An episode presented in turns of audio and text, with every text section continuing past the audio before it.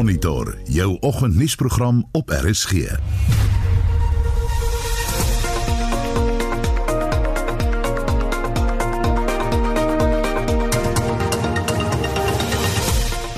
volgens se program die Olimpiese spele in Tokio begin vandag amptelik.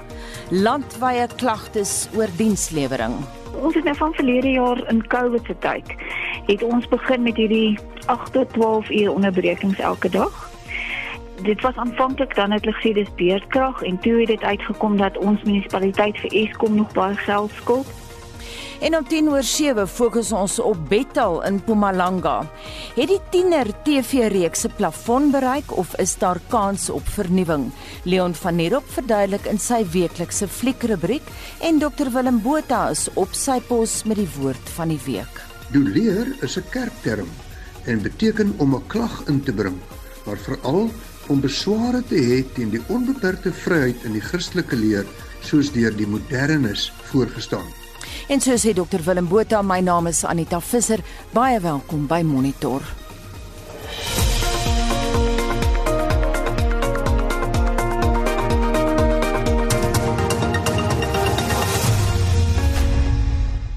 Nou skakel ons oor na Estie vir 'n blits nuusoorseig. Estie jy die vloer. Vir 'n oorsig oor ons koerant. Voor, voorblaai begin ons vanoggend by Beeld en hulle lei met die hoofopskrif 2 in arres in 2,5 miljoen rand se horings saak teen wildboer sloer al byna 12 jaar.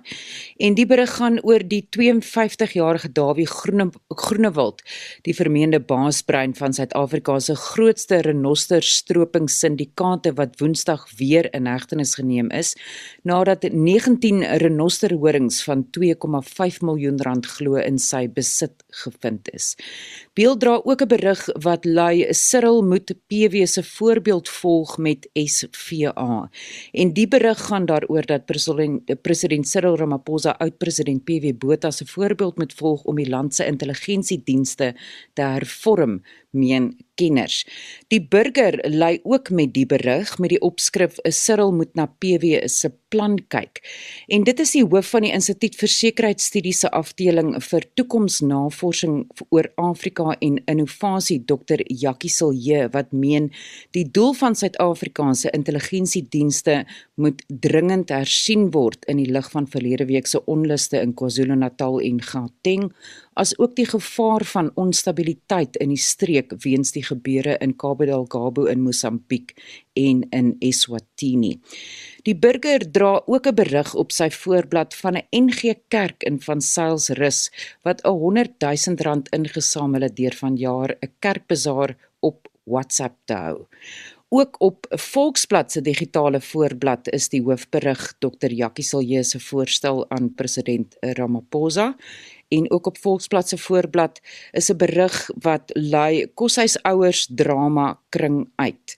En die berig gaan oor die koshuismoeder en vader van die Deelswil Primêre Skool wat volgens die skool weens positiewe dwelmtoetsuitslae, vloekery en moontlike kindermishandeling afgedank is en die koshuismoeder en vader wat nou sê hulle gaan regstappe teen die skool doen en die koshuismoeder en vader wat sê hulle weier ook om hulle woonstel op die skoolterrein te ontruim. En dan dra Volksblad ook 'n mooi foto van die sneeu wat tussen die Penhoek pas tussen Jamestown en Queenstown geval het en die pas wat tot gister nog gesluit was. Dis net vinnig 'n oorsig oor die koerant voorblaaie vanoggend. En so gepraat van die sneeu, onthou jy kan vir ons ook foto's stuur, maar môre aand om 6 pak die Springbokke die Britse en Ierse leeu's in die Kaapstad Stadion in die eerste van 3 toetse. Die Bokke het egter in 2019 laas op die veld gedraf toe hulle in die Wêreldbeker eindstryd met Engeland afgereken het. Wie kan dit nou vergeet? Ons wil vanoggend by jou weet, gaan die Bokke verroes wees of sal hulle hulle man kan staan teen die baie sterk Britse span en jy kan ook 'n telling waag as jy nou wil en dan wil ons weet waar in die land dit oral gesneeu het. Stuur vir ons fotos laat vir ons weet. En net daai sneeu die snerpende koue en die baie reën op plekke ontwrigtings en skade by jou veroorsaak. Laat weet ons stuur 'n SMS na 45889 dit kos R1.50 of deel jou mening op ons Facebookblad by Facebook facebook.com vorentoe skynstreep ZRSG of WhatsApp vir ons stemnota by 076 536 6961 076 536 6961 Die organiseerders van die Olimpiese spele in Tokio het aangekondig dat nog 2 atlete positief getoets het vir COVID-19. Dit bring die totale aantal positiewe getalle op 87 te staan. Die spele begin vanmiddag om 1uur Suid-Afrikaanse tyd. Twee Suid-Afrikaanse sportsterre, die swemmer Chad Leclou en die vroue hokkie doelwagter Pumelela Mbande, sal die land se vlag dra by die openingsseremonie. Vincent Mofokeng doen verslag. Toenemende COVID-19 gevalle in Tokio werk 'n donker wolk oor 'n gebeurtenis wat verlede jaar weens die pandemie uitgestel is. Dit sal nou sonder toeskouers plaasvind om gesondheidsrisiko's te beperk. Slegs 950 mense, insluitend amptenare en joernaliste, sal vandag se openingsseremonie in die hoofstadion bywoon, asook die kunstenaars en die atlete wat aan die spele deelneem. Volgens Hidemasa Nakamura, van die hoofbedryfsentrum sal alle COVID-19 protokolle tydens die seremonie nagekom word. Yes, 950 people will be attending as stakeholders and athletes are allowed to participate. We are taking countermeasures. The athletes have to comply with the rule book, so a minimum of one meter or possibly two meters of social distancing is required, and they have to wear masks at all time. That's the rule. So even if it's the opening ceremony, since the event is held at the stadium, we'll be taking through measures against COVID-19. Ondanks al die uitdagings, het nasionale spanne gister in die atletedorp hul nasionale vlag oor balkonne gehang. Die Blitsbokke is steeds in Kagoshima, 'n eerste vlug van Tokio. Die Blitsbok, Sylvan Davids, sê hulle kan nie wag dat die sewe toernooi begin nie. Yeah, in the beginning, it felt like, damn. When the team was announced, it felt like, damn, this is it. Then we flew to Japan, and then the positive cases came through, and then it just went downhill from there. But try to stay positive. Yeah, after that, isolation, and now that we're on the field again, it felt yeah, it's that time. So very excited. Good to be back on the training pitch, and yeah, I'm I'm pretty excited. Chris Try Die Blitsbokke se mees ervare voorspeler het in 2016 na Rio as 'n rugbyspeler gereis, maar hy is nooit gevra om te speel nie. Hierdie keer kan die situasie egter anders wees. I don't think I feel quite Olympian yet. I think uh, you know as we build up close to the tournament, definitely getting more excited and yeah, really happy to be here and looking forward to what's to come. Definitely uh, started getting that feeling at the nerves, you know, and how the whole Olympics has actually started now. It's official. We had a little bit of glimpse last night on TV, and yeah, I think it's it's becoming all more real now, and, and guys are super excited. Die spele het reeds gister met sportkodes soos bofbal en sokker begin. Die verslag van Sifiso Ramara. Akas Vincent Mufokeng vir SAK nuus. Intussen het Suid-Afrika se onder 23 sokkerspan gister 1-0 vasgeval in die Groep A openingswedstryd teen die gasheerland. Suid-Afrika kon nie behoorlik voorberei vir die wedstryd nie omdat die span in isolasie gedwing is deur 3 COVID-19 gevalle. Ongelyke toegang tot COVID-19-enstowwe gaan 'n blywende uitwerking hê op die sosio-ekonomiese herstel van laer en middelinkomste lande indien daar nie dringend opgetree word nie. Dit is volgens nuwe inligting van die VN se ontwikkelingsprogram, die Wêreldgesondheidsorganisasie en die Universiteit van Oxford. Volgens inligting wat pas in Genève bekend gemaak is, kon die vinniger vervaardiging en die deel van genoeg enstowwe met lae inkomste lande sowat 38 miljard Amerikaanse dollar tot hulle BBP vir uitskatting vir 2021 gevoeg het. Dit is as armer lande dieselfde inentingskoerse as hoë inkomste lande gehad het.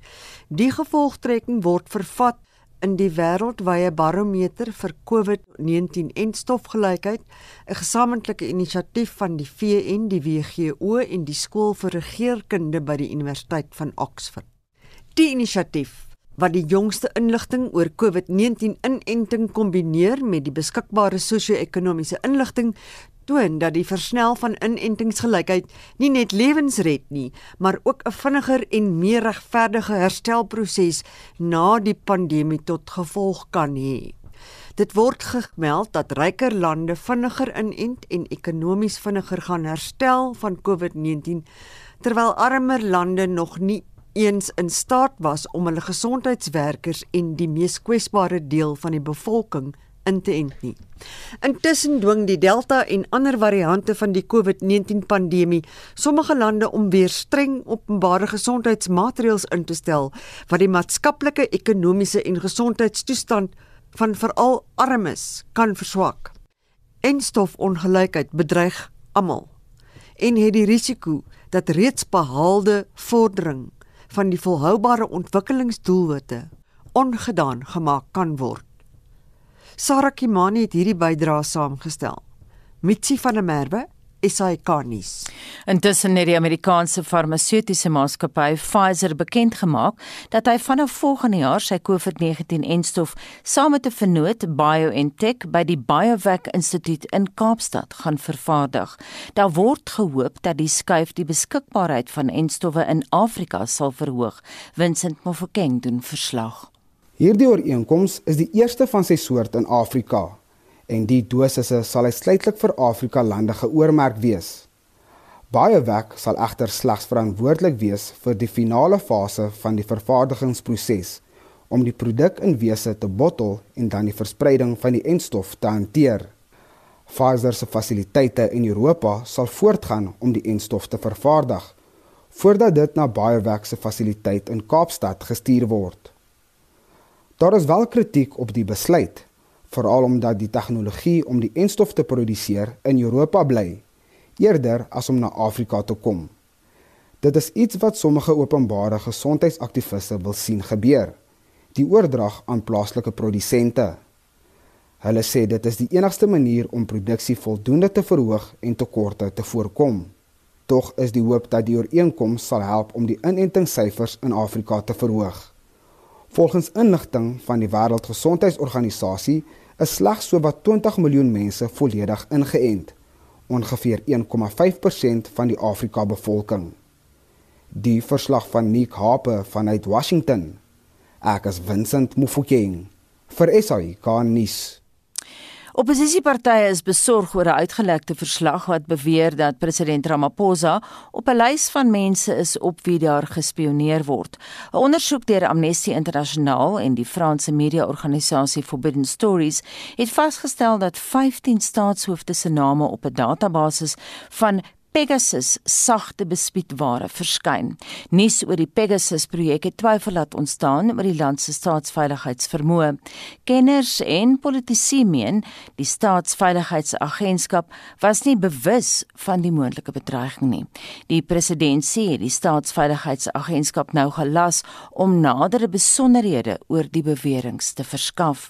Die kwessie sal na verwagting op die sakelys van die komende vergadering van die portefeulje portefeulje komitee oor intelligensie wees en dit is die parlementêre portefeulje komitee waarvan ons daar praat. Dis nou 6:31 jy's ingeskakel op monitor by RSG en ST sit gereed om vir ons SMS terugvoering te gee. Ons het ook gevra vanoggend, ons praat bietjie oor die bokke, wat verwag julle wat gaan gebeur? En ons wil weet hoe koud is dit daar by jou? ST, wat sê mense oor die koue en die bokke? Anita Stefan Enrico sê Oudtshoorn eh, dit het baie gesneeu by die Oudtshoorn Swartberg pas en die Swartberg is spierwit gesneeu so sê Stefan Enrico en Olivier Kritzinger laat weet Hubertina lê tussen Wit Tsikama berge aan die suidekant en die Wit Kouga berge aan die noorde kant en hy sê my kaggel werk behoorlik oor tyd. En Edward Stika Maretjie skryf die Springbokke gaan op hulle beste wees en dan laat weet hy ook ons het baie goeie sneeu gekry in Richmond in die Noord-Kaap. En Jacques Kypie niemand sê die bokke stel altyd te leer as ons te veel verwag. Hulle gaan met so 9 punte verloor as ek met raai bokke 15 leeu's 24. En Edlind La uh, Edlin Lahaak laat weet die bokke sal ons almal verbaas en bo verwagting speel. Hulle sal 31-27 wen en sy sê hier in Koelsberg was dit 'n sprokies mooi sneeuwwit ehm um, gesneeu en Jopie Henning van Vry van Vryheid in KwaZulu-Natal sê die boeke die bokke gaan wen en hy raai die telling 18-9 en hy sê dit sal nie 'n aanskoulike wedstryd wees nie omdat die manne nog nie heeltemal fiks en afgerond is nie.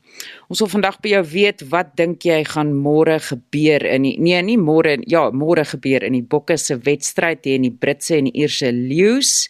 Wat dink jy gaan die telling wees en laat weet ook vir ons Hoe lyk dit daar by jou? Het dit gesneeu en hoe koud is dit? Stuur vir ons SMS na 45889 R1.50 per SMS.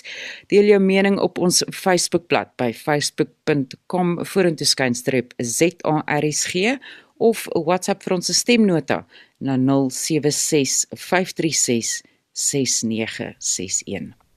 Australië se eerste minister, Scott Morrison, loop behoorlik deur onder die kritiek van sy landgenote weens die stadige uitrol van die AstraZeneca-enstof. Boonop het die oppositiepolitici nou ook op die wa geklim en gooi modder net waar hulle kan. Morrison het sy medeburgers probeer paai oor die stadige inentingsproses met die woorde "It's not a race." Die gevleelde uitdrukking het die kritiek oor Morrison se hantering van die pandemie net verdere stuurkrag gegee. En ons praat vanoggend daar daaroor met die politieke wetenskaplike Roland Henwood van die Universiteit van Pretoria. Goeiemôre Roland. Goeiemôre Anita.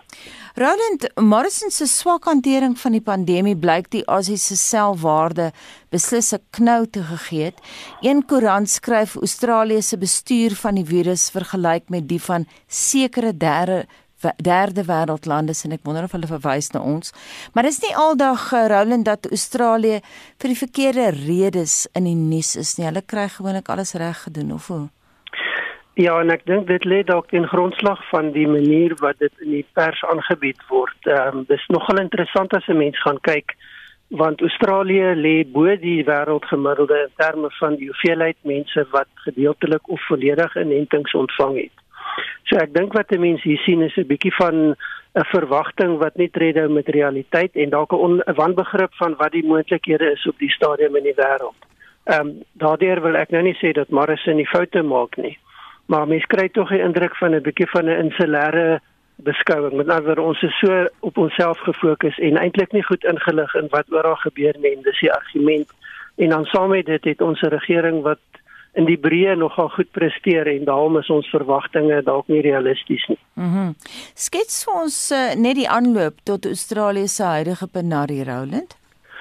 Op kortliks, ehm um, Australië sit soos die res van die wêreld in 'n situasie waar jy met 'n pandemie sukkel en jy het basies twee maniere om dit op die stadium te hanteer. Die eerste en die logiese vinnige manier is om allerlei beperkings in te stel, allerlei maatreëls in te stel om te probeer om die verspreiding van die COVID virus te vers COVID virus te ver, um, beperk. Um, dit sluit in beperking op beweging ensovoorts.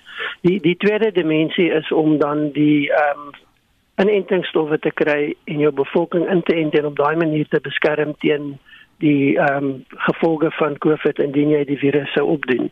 Die die probleem wat Australië het is dat hulle maak grootliks staat soos meeste ander plekke of omtrent almal in die wêreld op die beperkingsmaatreëls omdat daar nie genoeg entstowwe is nie. Mm. En en dan is die konteks van entstowwe baie belangrik. Australië soos al die ander plekke in die wêreld wag vir entstowwe. Hulle kan nie genoeg vinnig genoeg kry nie. daarmee saam met Australië aanvanklik hoofsaaklik gefokus op die aankoop van die AstraZeneca um, en stof en daar's baie probleme met die verspreiding daarvan en daar's twee belangrike redes. Die een is dat die grootste verskaffer in Indië nie meer kan lewer soos wat verwag is nie omdat hulle intern fokus en daar beperkings is en dan die ander bron van vervaardiging is in Europa en daar weet ons is 'n groot herrie gewees van die Europese Unie het op 'n stadium 'n beperking geplaas op die uitvoer van enstowwe en alles gekanaliseer na die Europese um, Unie en en die noem dit maar die markte in die Europese Unie. En Australië is seker die plek in die wêreld wat die swaarste getref is, hmm. want dit was omtrent alles waarop hulle gehoop het. Die gevolg is dat hulle baie stadige toegang kry en dat hulle baie stadig kan vorder met die inenting van mense en hulle het nog nie genoeg hulle het ook nie genoeg van die ander enstowwe bestel vroeg genoeg om vinnig daarvan te kan kry nie. 'n Belangrike punt wat jy nou maak Roland is dat die EU blok nou, hulle het 'n beperking geplaas op uitvoere en die ander ding natuurlik dat die Aussies nie hulle bestellings geplaas het vir die inendings, hulle het dit nie vroeg genoeg gedoen nie. Ja, dis 'n baie moeilike argument. Ehm um, wanneer moes jy dit doen? En ek dink die vergelyking wat hier getref word is dalk 'n onregverdige vergelyking of selfs 'n onmoontlike vergelyking, want ons hoor dieselfde argument byvoorbeeld in Suid-Afrika. Die die probleem wat jy mee sit is die Europese Unie in Noord-Amerika sit met die vervaardigings ehm um, plekke waar waar hierdie middels vervaardig word. Hulle beheer dit. Maar dan moet ons ook onthou dat dis die regerings wat geweldig baie belastinggeld geïnvesteer het. Um om die maatskappye in staat te stel om hierdie instowwe te ontwikkel. En uit die aard van die saak dan was die een voorwaarde dat die suksesvolle instowwe gaan eers na hulle eie markte gaan. Hmm. So so dit plaas 'n ander lig op die argument van regierryk lande wat net eenvoudig die goed aankoop en vashou. Daar is 'n element daarvan, maar dit is nie noodwendig die belangrikste element nie. Die die kritiek teen Morrison is hoekom het hy nie ook as persoon gaan onderhandel nie? Wel die die rede waarskynlik is dat hy dan geld sou moes uitgee wat mense nie meer tevrede sou wees nie, want daar was nie instof nie, niemand het geweet of dit gaan werk nie. Mm. So so dis hoekom ek sê dis 'n bietjie van 'n onbillike vergelyking wat getref word. Ehm um, jy jy kon seker vroeër onderhandel, maar jy gaan waarskynlik 'n premie betaal het en dan sit jy met soos Australië dat jy nie 'n waarborg het dat jy gaan kry wat jy bestel het nie. En en dit het ons gesien selfs in Europa dat regerings nie gekry het wat hulle bestel het nie, want dit was net nie moontlik nie. So so die die oorsaak van die probleem lê op 'n ander vlak as 'n nasionale regering se onvermoë. Jy praat nou oor Europa, maar die res van die wêreld was ook maar stadig uit die blokke in vergelyking met Londen en Washington. Hulle het vinnig gespring. Ja, hulle het vinnig gespring want hulle het die geld belê in hulle interne vermoë. En en ek dink dis die punt wat waarskynlik een van die belangrikste nagevolge van COVID is, is dat jy sit met 'n wêreld wat indien so iets gebeur en wanneer dit weer gebeur, gaan ons dieselfde sien as ons nie veranderinge aanbring nie. En daai veranderinge is rondom vervaardigingstegnologie en kundigheid want dit lê alles in 'n klein deel van die noordelike amper die noordwestelike halfrond. Selfs China en Rusland wat hulle eie tegnologie en vervaardigingsfasiliteite het sukkel om kwaliteit en stowwe te ontwikkel. En ek meen Rusland wat sy eie enstof ontwikkel het baie vinnig het maar iets soos 'n 28% ehm um, immuniseringskoers So dit wys vir mense die logistieke maar ook die realistiese probleme. En daarom sê ek dat die Australiese hantering is dalk anders as wat die mense of die pers dit daar aanbied. Mm. Ek sien ook Scott Morrison gebruik nou ons Suid-Afrikaanse politici se geliefde uitdrukking we've had challenges. Dit is ons so lief vir daai woord in Suid-Afrika. Maar dit is nie 'n maklike krisis om te bestuur soos wat jy nou self gesê het nie. En Morrison kry nou kritiek nie net van uit die oppositieparty, dit is nou Labour, maar hy kry kritiek byvoorbeeld van New South Wales se premier Gladys Berejiklian. En ehm um, sy is van sy eie party, maar sy het baie baie skerp woorde vir hom gehad dis ongewoon dat mense hoor dat politici die verskoon my die leier van hulle eie party kritiseer. Wat dink jy is Morrison se opsies nou Roland gegee almal se gesukkel om die enstof in die hande te kry? Wel ek dink daar's twee opsies. Die een is dat jy moet baie goed kommunikeer en ek dink dit is 'n punt waar baie politici reg oor die wêreld struikel en baie regerings omdat ons hier 'n proses gesien het waar die meeste regerings die proses sentraliseer en dit op 'n nasionale vlak bestuur en hanteer en dit is waar baie van die swakpunte in regerings blootgelê word. So so kommunikasie is ontsettend belangrik.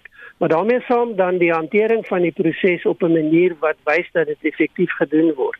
En ek dink as 'n mens byvoorbeeld gaan kyk na Suid-Afrika, ons het baie dieselfde patroon gehad as Australië. Ons het nog nie die vlakke van inenting gekry wat Australië het nie maar maar die manier wat dit hanteer word het baie verander. Daar's baie meer rolspelers by betrokke.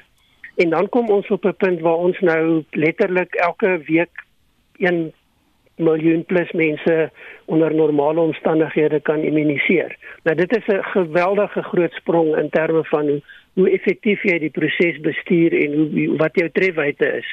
En dit is waar Australië sukkel. Hulle kry dit nie reg om daai momentum op te bou en te wys dat dit so vorder nie. Maar die maar die feit van die saak is Australië lê bo die wêreldgemiddeld en doen beter as die res van die wêreld. Ek dink die een aspek wat 'n mens as jy gaan kyk na die die hantering in Australië is dat jy ook kritiek kry wat nou die beleidsevaluering toepas en byvoorbeeld argumenteer hierdie is 'n nasionale ramp en die regering het totaal misluk. Maar hulle kriteria wat hulle toepas neem glad nie eksterne faktore in ag nie en die kritiese element daar is die vaksines word nie in Australië vervaardig nie so jy's afhanklik van ander kanale. As jy nie daai kanale beheer nie dan kan jy niks daaraan doen nie en dan misluk jou beleid. En en ek dink dit is hoekom 'n mens moet versigtig wees hoe jy hierdie goed gaan beoordeel en hoe jy hierdie goed gaan toepas. Die ander ding is ook dat waar is die mees suksesvolle inentingsveldtogte in die wêreld? Om op praat van die Verenigde Koninkryk. Hulle het nog nie 70% van die bevolking geïmmuniseer nie. En en en van daar af word dit minder. Uh, Malta praat van 80% van die hmm. bevolking, maar hoe groot bevolking is dit? Op 'n stadium is gesê Mauritius is die beste in die wêreld want hulle het omtrent almal geïmmuniseer. En skielik sit Mauritius nou met 'n groot uitbraak van die Delta variant van COVID want die immunisering wat hulle gebruik het was nie effektief daarteen nie. Hmm. So so mense moet versigtig wees om afleidings te maak en net na syfers te kyk en veral om emosioneel hierop te reageer.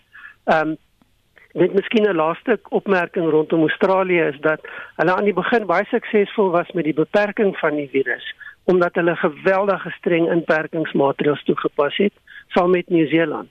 En en op 'n stadium gekom het waar gesê het maar die twee lande kan beperkings op reis tussen hulle tussen hulle self ophef want hulle het hierdie uh, borrel geskep waar mense nie meer siek word nie. Maar omdat jy nie totale beheer het oor mense se beweging en en waarheen mense gaan en hoe hulle reis nie, het jy kort kort weer uitbrake begin kry beide in Australië en Nieu-Seeland en saam met dit dan hierdie uiterste sterk inperkingsmaatreëls. En ek dink dit is waar dit op 'n emosionele vlak mense begin ehm um, negatief maak het en waar dit selfs mense miskien miskien die woord gebruik dat dit mense knak en hulle dan ongelooflik emosioneel en en aggressief en ontevrede raak met wat gebeur en dan is dit die regering se skuld want hulle beheer die proses. Baie dankie en so sê die politieke wetenskaplike Roland Henwood en hy is van die Universiteit van Pretoria. Dis nou byna kwart voor 7. Meer as 100 000 skriftelike voorleggings is reeds ontvang sedert die konsepwysigingswet op die beheer van vuurwapens gepubliseer is. Die sperdatum vir terugvoer is tot 2 Augustus verleng en nog voorleggings word verwag, so berig Zelin Merrington. Die wetsontwerp beoog om die aansoek van 'n bevoegdheidssertifikaat op eis te plaas van 'n aansoeker wat 'n tussentydse beskermingsbevel teen hom het in terme van die wet op huishoudelike geweld. Dit beoog ook om sommige voorwaardes te stel vir die aansoek van lisensies vir jag of sportdoeleindes. Maar dit is die voorsiening dat geen lisensies toegestaan sal word vir doeleindes van selfbeskerming wat 'n herrie veroorsaak. 'n Eienaar van 'n Kaapstadse vuurwapenwinkel, Thomas Ferreira, sê sou die veranderinge deurgevoer word, kan dit 'n groot invloed hê op sy besigheid. Dit sal ons baie groot affekteer. Die regulations wat hulle wil deursit sal ons besigheid verminder by so 50% want die grootste besigheid wat ons het is vir self-defense training of opleiding en die mense wat hulle self en hulle families wil beskerm. So as so bil gaan geapprove word, gaan niemand hulle self kan beskerm nie. Ons kan nie rely op ander institutions nie en ek dink dit is 'n groot groot probleem vir vir ons. Hy sê tesame met die uitwerking van COVID-19 op vuurwapenverwante sport kan die wetsontwerp doodsake beteken vir kleiner besighede. Ons besigheid se grootste inkomste op die huidige oomblik is opleiding en veral vir self-defense. So section 13 dis die, die section van die act wat hulle wil verander. En ek so wat 'n familiebesigheid is en die kleiner besighede gaan definitief moet toemaak een of ander tyd as dit die verhaal is want ons het nie 'n ander opsie nie want die sport shooting, die jag, alles wat wat op die oomblik is is basies op 'n op 'n sluit met lockdown. So met die werk vorentoe ons rely op self-defense en daai section is 'n groot gedeelte vir vir ons vir ons livelihood vir die besigheid. Polisiewoordvoerder Lorenzo Temba sê sedert die verlenging van die sperdatum is meer as 100 000 voorleggings ontvang. Since the bill was published in the Gazette for comments on the 21st of May, over 100,000 written submissions have been received. The legislative process that seeks to mould the firearms control bill through public participation has been extended for 21 days. This means South Africans have until the 2nd of August to have their say regarding the Firearms Control Amendment Bill of 2021. Die organisasie Gun Free South Africa sê 23 mense in die land word elke dag met 'n vuurwapen vermoor. Hulle is ten gunste van die wysigings, in besonder die veranderinge rondom 'n lisensie vir selfverdediging. Volgens die organisasie is dit 'n voorreg om jouself te kan verdedig en nie 'n reg nie. Zelin Merrington, Parlement. Terug na die koronavirus, die departement van korrektiewe dienste in die Noord-Kaap en die Vrystaat sê hulle is vol vertroue dat 90% van gevangenes teen 7 Augustus ingeënt sal wees. By die Tswelopele korrektiewe sentrum in Kimberley het gevangenes en bewaarders hulle eerste dosis van die Pfizer-enstof ontvang. Reginald Witboy het meer besonderhede. Sowat 900 oortreders is in die Noord-Kaap en Vrystaat ingeënt. Die departement van korrektiewe dienste het 'n grootskaalse inentingsprogram begin om die land te help om kudde-immuniteit te bereik. Die departement se plan vir die Noord-Kaap en Vrystaat is om 90% van die oortreders teen 7 Augustus in te ent en 67% van sy beamptes teen 30 September. Hierdie oortreders van die Tswelopele korrektiewe dienste is verheug om die entstof te ontvang. I want to take the vaccination and then there was no side effect, there was nothing. I didn't react to the vaccination. It is a nice thing to do so that I can be protected.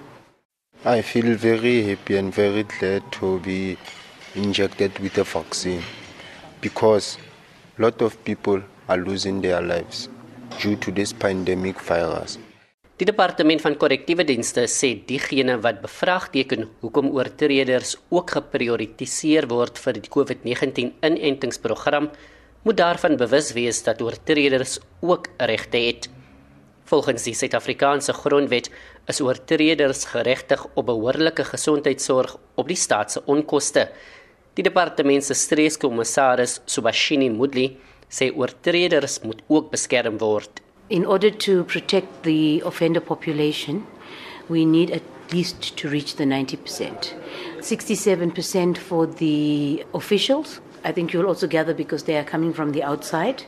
But with the offender population, they are within the confines of the facility. So it's very important that the more that are being vaccinated, the more safer and the more protected they are. So, yes, it's a high number, but we are going to try to do whatever we can. Die Noord-Kaapse LR e Maruping Lekwene stem saam dat lewens gered moet word. Ons fokus ons wil baie lewe red soos ons kan. Ons wil lewe red. Ons dink nie dat die gevangenes moet uitgekies word nie en agtergelos word nie. En daar is ook offisiëls van die crucial services wat werk met hulle. Die as nie werk nie, hulle wil se families. Ons moet almal die gevangenes en die amptenare smol vaksin. But I think at the heart of our focus is ons regering en so lewe red. Vir my daar is die belangrikste punt wat ons moet nie verloor nie. Die Noord-Kaapse Gesondheidsdepartement bly positief dat hulle hul teken vir kudde-immuniteit sal bereik afhangend van die beskikbaarheid van die entstof. Intussen het 26 korrektiewe beamptes en 7 oortreders in die provinsies hulle lewens verloor aan COVID-19. Ek is Reginald Witboy in Kimberley. En van die Noord-Kaap skuif ons suidoos. Die departement van menslike nedersettings in Mpumalanga het die onwettige besetting van hophuise in Tekwane Suid oos van Bombela veroordeel. Plaaslike inwoners beset meer as 200 hophuise, so berig Vincent Mofokeng. Plaaslike inwoners het die huise beset terwyl daar 'n lang lys van begunstigdes is wat moet intrek. Bouwerk aan sommige van die huise is onvoltooid. Die provinsiale departement van menslike nedersettings sê inwoners het die boukontrakteur gedwing om die sleutels van die huise aan hulle te oorhandig. Sommige besetters sê hulle moes lank gelede al die huise beset het. Occupying a house that doesn't belong to you is totally wrong. I'm against that. But occupying house the house that belongs to you, of which I think is the right thing to do. You understand? People must not force things that uh, doesn't belong to them. Waiting for waiting for human settlement to hand over the houses to the beneficiaries, but as you can see, people went in illegal. So, yes, hopefully human settlement will do the best. Die regmatige eienaars van die huise is sedert 2013 op die lys van begunstigdes. Daar was baie uitdagings wat gelei het tot die vertraging in die oorhandiging van die huise, soos die politieke onrus in die provinsie. Een van die gemeenskapsleiers, Sipho Simelane, sê dit is verkeerd dat mense in huise intrek wat nie aan hulle behoort nie.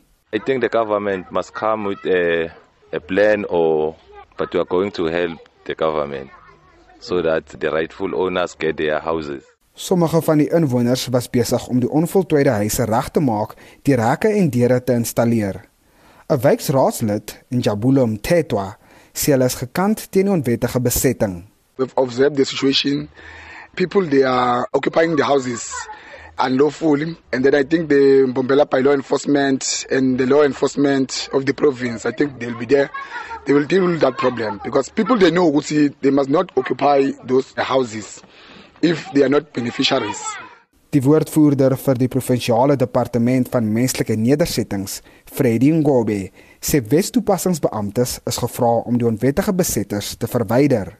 We are concerned because now what is happening is that the houses are complete. We are only awaiting a date from the principals to guide us as to when do we hand them over and what do we do. Of course, people who are told are moving in demanding keys from the contractor on site and so on really which is unwarranted because they are their houses they it belongs to them they're going to be given That was Freddy Ngobe, die woordvoerder van die departement van menslike nedersettings in Mpumalanga. Die verslag is saamgestel deur Motsebi wa Monareng in Bombela, Mpumalanga. Ek is Vincent Mufokeng vir SAK nuus. Jy het so 30 sekondes om vir ons terugvoer te gee, Estie.